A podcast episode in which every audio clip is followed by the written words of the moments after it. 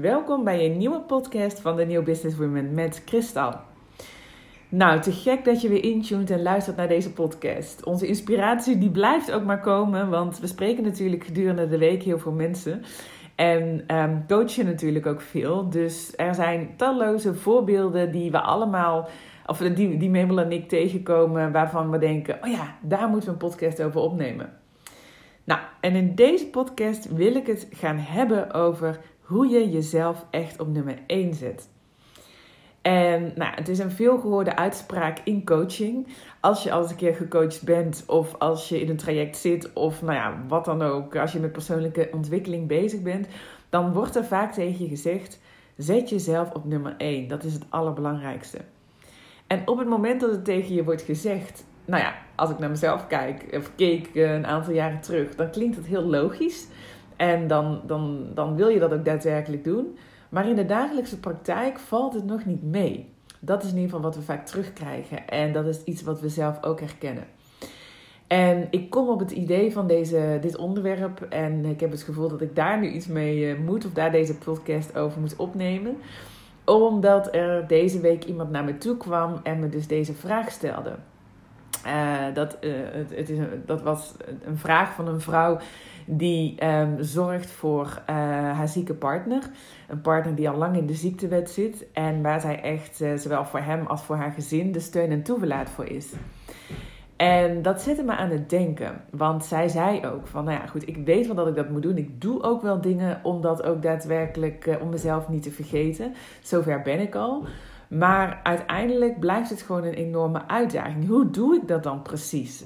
Mezelf op nummer 1 zetten zonder um, de ander, uh, ja, terwijl ik toch echt nodig ben. En dit is zo'n situatie waarvan ik me kan voorstellen dat die echt uitdagend is om het voor elkaar te krijgen. En ook nog met een goed gevoel. En nou ja, we hebben ook gedurende de afgelopen jaren hebben Mabel en ik ook zo vaak gesprekken gehad met mensen um, over: oké, en hoe doe je dat dan als je bijvoorbeeld kinderen hebt? Hè, dat is allemaal heel leuk jezelf op nummer 1 zetten, maar um, ja, je kinderen horen op nummer 1 te staan. En ja, hoe, hoe, hoe, hoe werkt dat dan precies? Nou ja, voordat ik op. En zo zijn er talloze situaties eigenlijk te bedenken. waarin het best uitdagend kan zijn om jezelf op nummer 1 te zetten. Nou, en voordat ik je tips ga geven over um, wat heel erg zou kunnen helpen om het toch te doen, begin ik dus met de vraag: waarom is het eigenlijk belangrijk? Waarom is het belangrijk om jezelf op nummer 1 te zetten?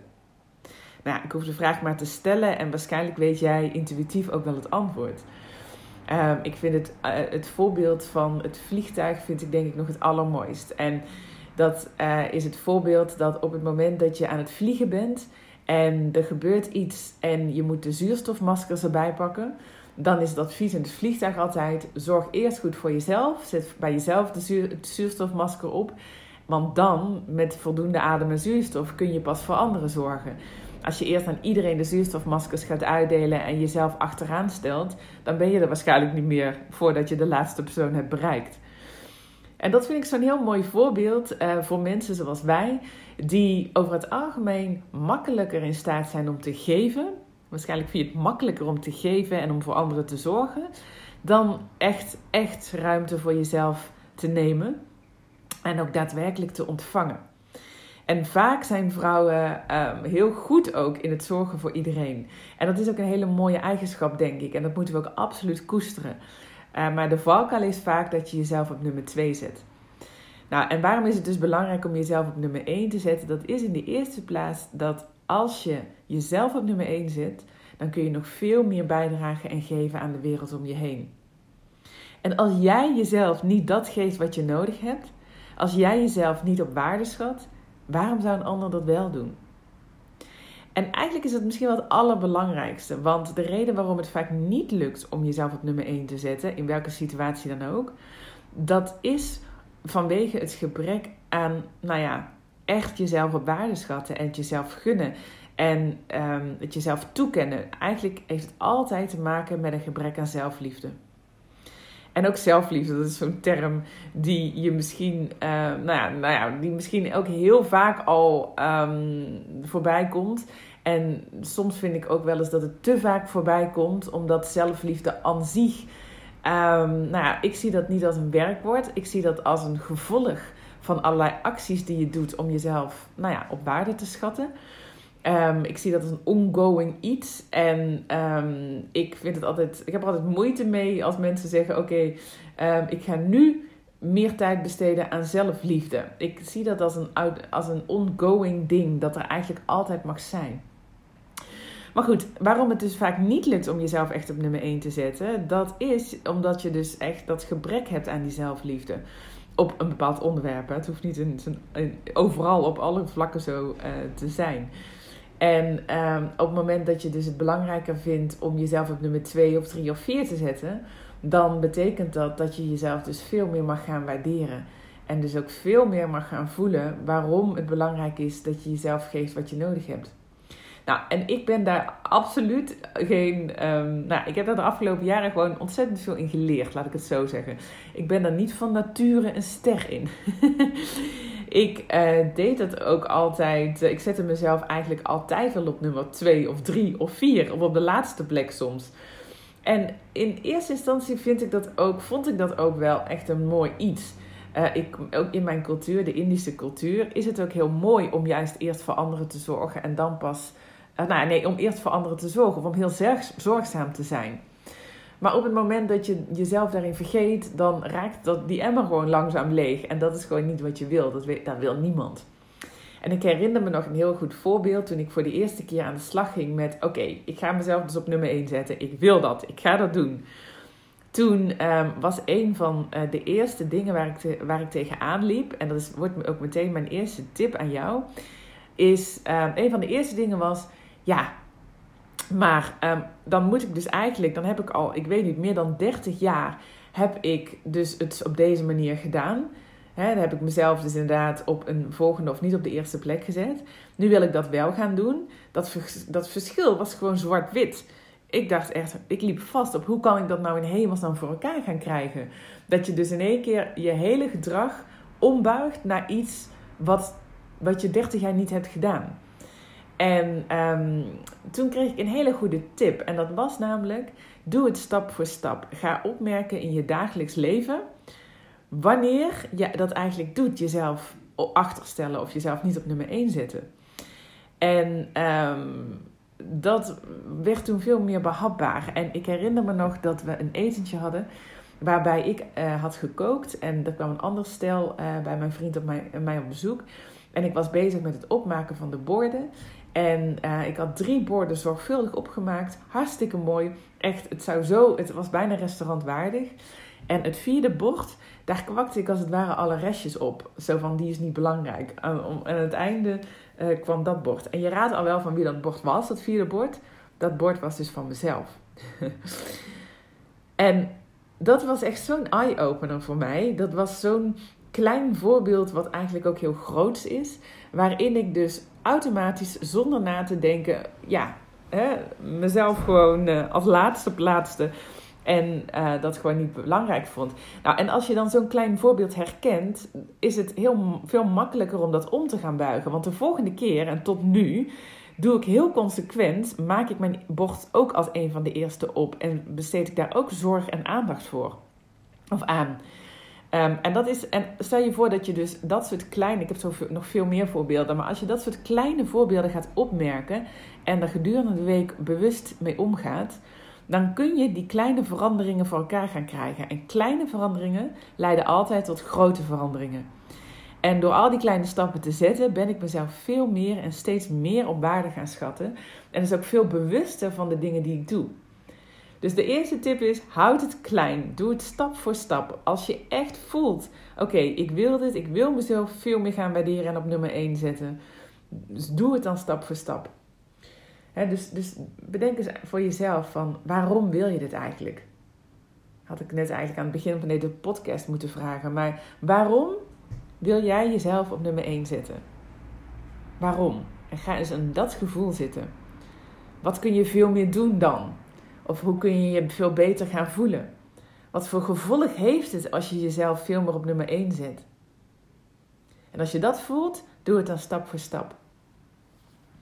Oké, de tweede tip die ik voor je heb is: heel veel mensen denken dat op het moment dat ze uh, je, zichzelf op nummer 1 zetten, dat ze per definitie die ander achter zich plaatsen. En dat kan gewoon heel onprettig voelen. Vanuit de gedachte, je bent niet meer of niet minder dan een ander. Nou, en dan heb ik een grote tip voor je, want dat is een, dan mag je echt gaan omdenken. Want wat je veel meer mag zeggen is, op het moment dat je jezelf op nummer 1 zet, betekent dat niet dat je nee zegt tegen een ander. Het betekent dat je ja zegt tegen jezelf. Dus voor jezelf kiezen, een besluit nemen, een kleine keuze maken of een grote. Dat betekent ja zeggen tegen jezelf. Het betekent niet nee zeggen tegen die ander. En wat gebeurt er als je ja zegt tegen jezelf? Moet je je voorstellen, als je ja zegt tegen jezelf, dan volgt die zelfliefde, die zelfwaardering per definitie op het moment dat je dat vaker doet. En op het moment dat je ja zegt tegen jezelf en je dus veel meer energie overhoudt en dus veel meer in je element en in je kracht staat, wat kun je daar wel niet allemaal voor anderen betekenen? Wat voor rust kun je veel meer uitstralen? Mentaal, maar ook fysiek. Wat betekent ja zeggen tegen jezelf? Wat, wat gaat dat allemaal voor je opleveren? Blijf weg van dat betekent dat je nee zegt tegen een ander of dat je de ander tekort gaat doen. Nee, het betekent ja zeggen tegen jezelf. En vanuit daar kun je nooit iemand tekort gaan doen. Dus dat is de, de tweede tip die ik heb. En ja, ik zou het opschrijven ook voor jezelf. Wat betekent ja zeggen tegen mezelf? Wat gaat het gevolg zijn? En sinds dat ik ja zeg tegen mezelf, heb ik ook een veel minder schuldgevoel. dat is meteen de derde tip, van, want dat gaat over schuldgevoel. Want wij vrouwen, en trouwens wij mannen ook, maar laten we het even bij de vrouwen houden. Wij vrouwen zijn ster in ons schuldig voelen. Schuldgevoel over, nou ja, zo'n beetje alles, toch? Waar heb jij je nou de laatste keer schuldig over gevoeld? Ik kan echt een waslijst opnoemen waar ik me schuldig over kan voelen in het moment, of heb gevoeld, of, of wat dan ook. Je kunt schuldig voelen omdat je um, nou ja, iemand niet genoeg ruimte hebt gegeven. Je kunt je schuldig voelen omdat je iets hebt gezegd wat je misschien niet had moeten doen. Uh, nou, schuldgevoel gaat eigenlijk altijd over iets wat je hebt gedaan waar je een bepaald oordeel op hebt voor jezelf. Dat het niet genoeg is, of dat het niet de juiste manier is, of nou ja, wat dan ook. Schuldgevoel is echt een desastreuze en destructieve energie waar je gewoon niet in wil zitten.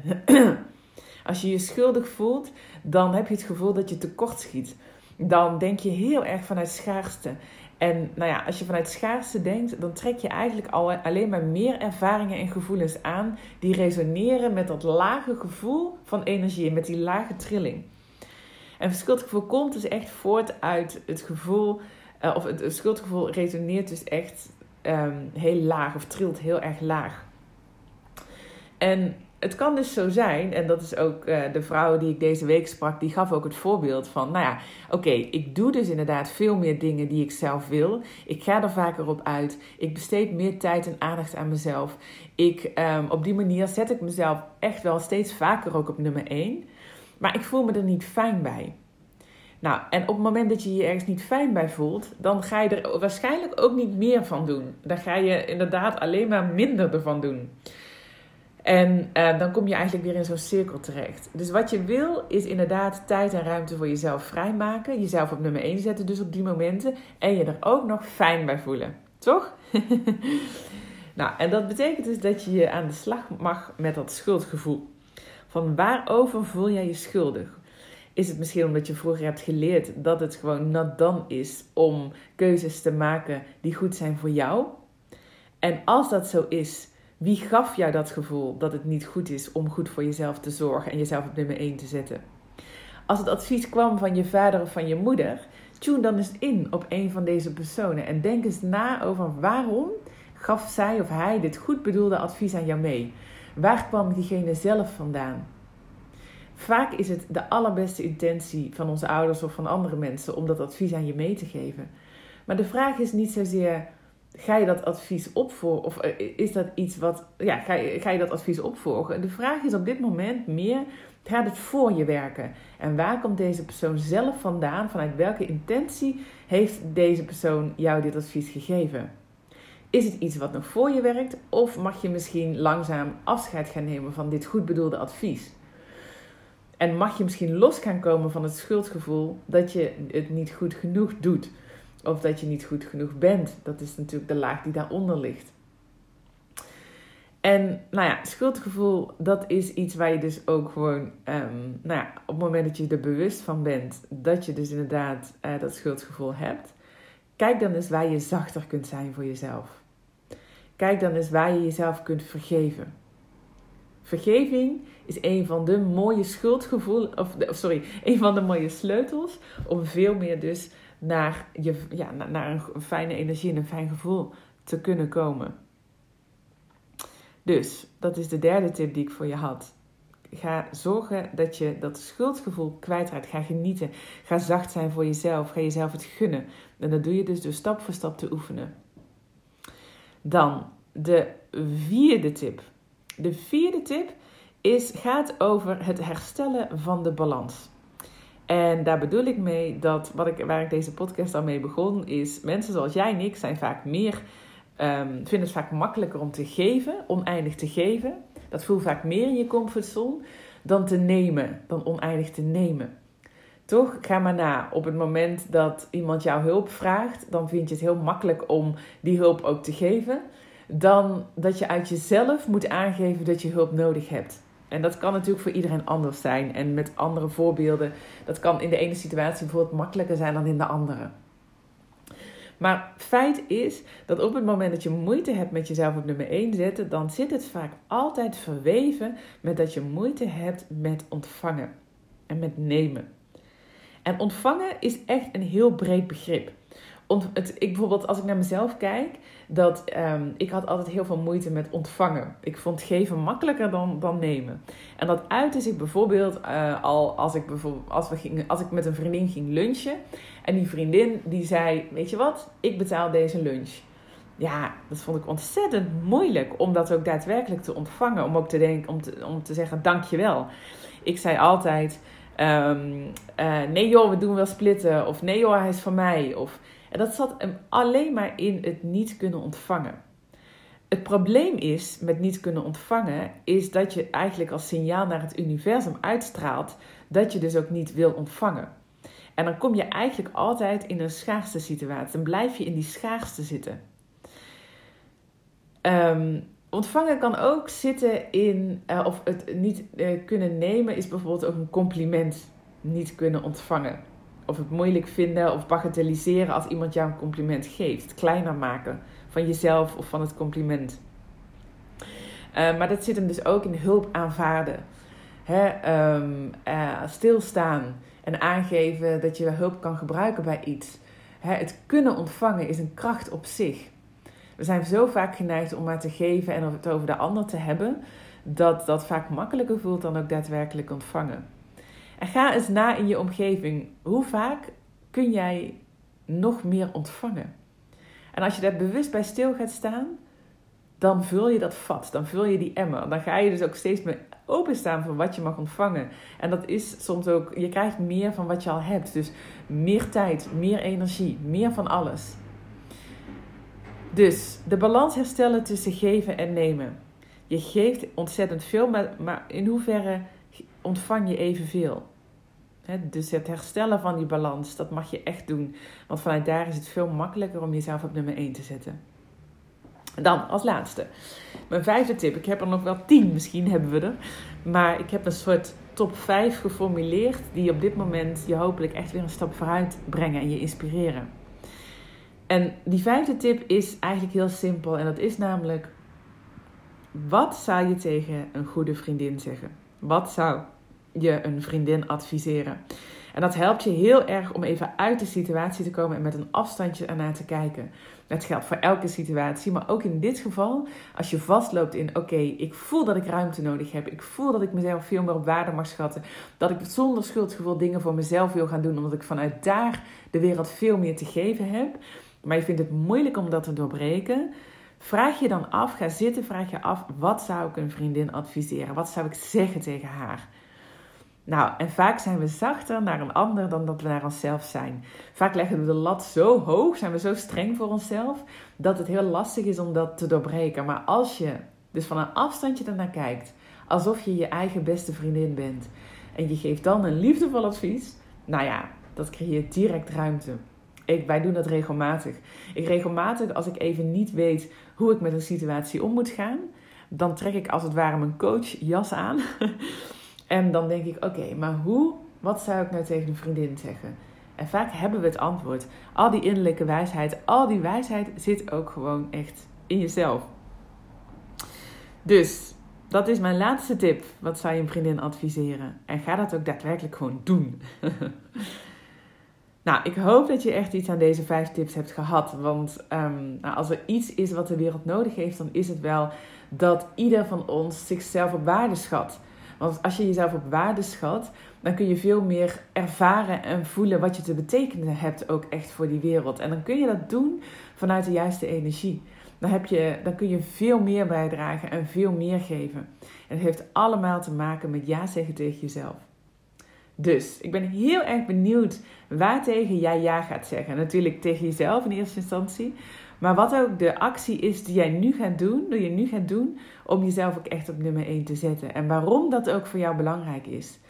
Ik hoop dat je dat gaat voelen, dat je de tijd neemt om dat ook gewoon echt te gaan ervaren en dat te gaan, te gaan integreren. En laat het ons absoluut weten als comment onderaan de podcast. Want uh, dat, kan, dat kan zijn in een uh, review uh, op iTunes. Daar zijn we heel erg blij mee. Want hoe meer positieve reviews, hoe meer mensen we kunnen helpen, hoe hoger we komen te staan. Dus dank je wel daarvoor. En dat kan ook zijn onderaan de blog of onderaan de podcast als je op onze site aan het kijken bent of aan het luisteren bent naar deze podcast. Want op die manier kunnen we ook weer op je reageren. Goed, nou, dankjewel voor je tijd en voor je aandacht. En um, ik zeg uh, heel veel succes en heel veel plezier.